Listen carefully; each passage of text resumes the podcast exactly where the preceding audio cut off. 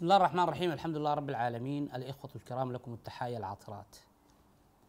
وأسمحوا لي في هذا في هذه الحلقة والحلقات التي تليها بإذن الله سنقف على موضوع سيراه البعض أنه بسيط ولا يستحق نوع من التعمق في الفكرة وهو مفهوم سورة الفاتحة التي يحفظها الصغير والكبير ونرددها في الأدعية وفي الصلوات وربما أكثر من ثلاثين مرة في اليوم. فهل وقفنا على مدلولات سورة الفاتحة وماذا تعني؟ سؤال ابتدائي هل صياغة سورة الفاتحة تشابه الأسلوب الخطابي في القرآن الكريم؟ سورة الفاتحة من المتكلم؟ الحمد لله رب العالمين الرحمن الرحيم مالك يوم الدين إياك نعبد وإياك نستعين اهدنا الصراط المستقيم المتكلم هنا من؟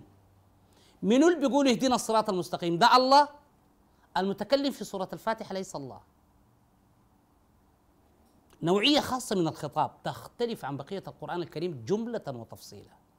ألا يستدعي هذا الوقوف بشيء من التفكر؟ لماذا سورة الفاتحة سميت بفاتحة الكتاب؟ لماذا سميت بأم الكتاب على لسان النبي عليه الصلاة والسلام؟ لماذا هي الركن في الصلاة؟ لا يمكن أن تقوم الصلاة بدونها. لماذا؟ ليه؟ السبب شنو؟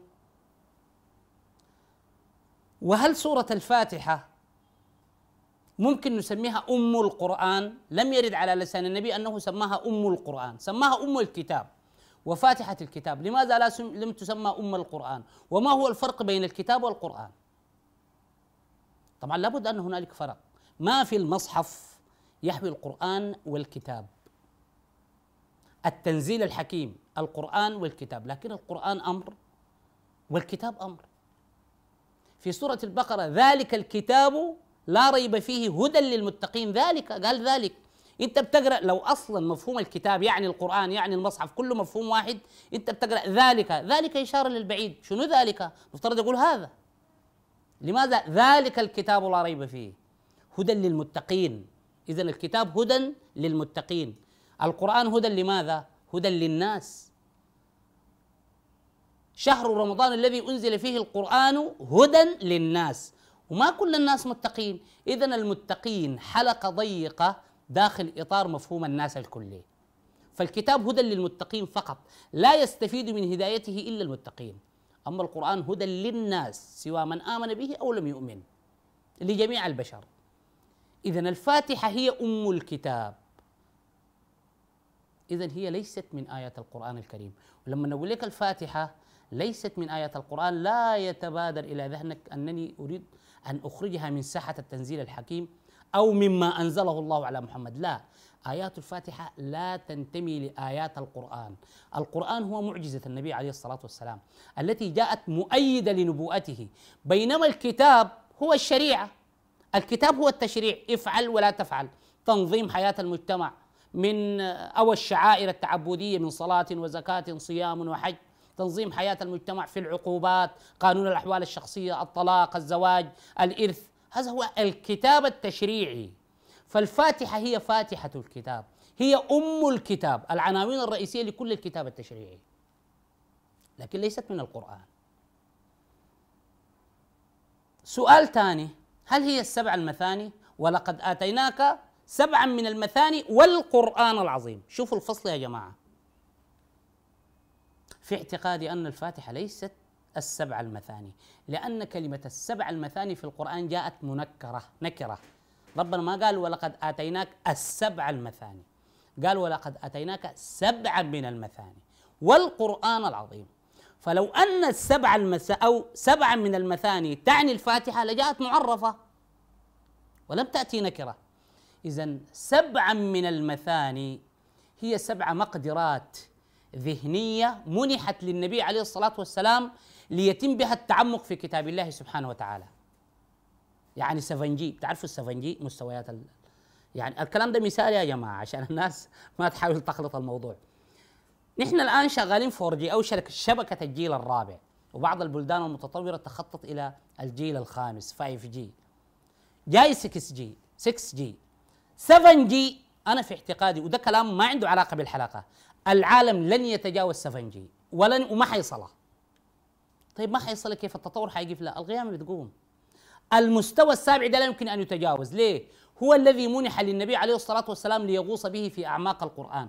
ولقد آتيناك سبعا من المثاني والقرآن العظيم. دي مقدرات خاصة بالنبي عليه الصلاة والسلام يتعامل بها مع القرآن. والمثاني جاي من ثنى الشيء. بتعرفوا يا جماعة الحاجة المثنية؟ الحاجة المتنية مطوطوة. طيب اللي بفك الطوطوة بتاعت القرآن دي أول أشياء المثنية كل طبقة والطبقة التي تليها. العمق السابع هو مكفول لفهم النبي عليه الصلاة والسلام فقط. اذا مفهوم الفاتحة على أنها السبع المثاني هذا لا يستقيم. ومثله أيضا كما جاءنا في الموروث أن ليال عشر هي العشر أيام من ذي الحجة. أيضا لا يستقيم. لو أنها هي لجاءت معرفة. والفجر والليالي العشر. لكن جاءت نكرة. والفجر وليال عشر. والفجر هنا ليس صلاة الصبح. الفجر رب ما ممكن ربنا يقسم يعني بصلاة الصبح؟ الفجر. هنا يتحدث عن تفجر الوجود وتشكله من عالم الأمر إلى عالم الخلق. والفجر. لأنه مر بعشر مراحل من الظلمات. قضية ضخمة ومفاهيمية وإيمانية وعقائدية معقدة جدا وربما نتطرق للحديث فيها في وقت لاحق بإذن الله سبحانه وتعالى. اذا بعد هذه الأسئلة نكون قد تجمعنا في نقطة ما هي الفاتحة؟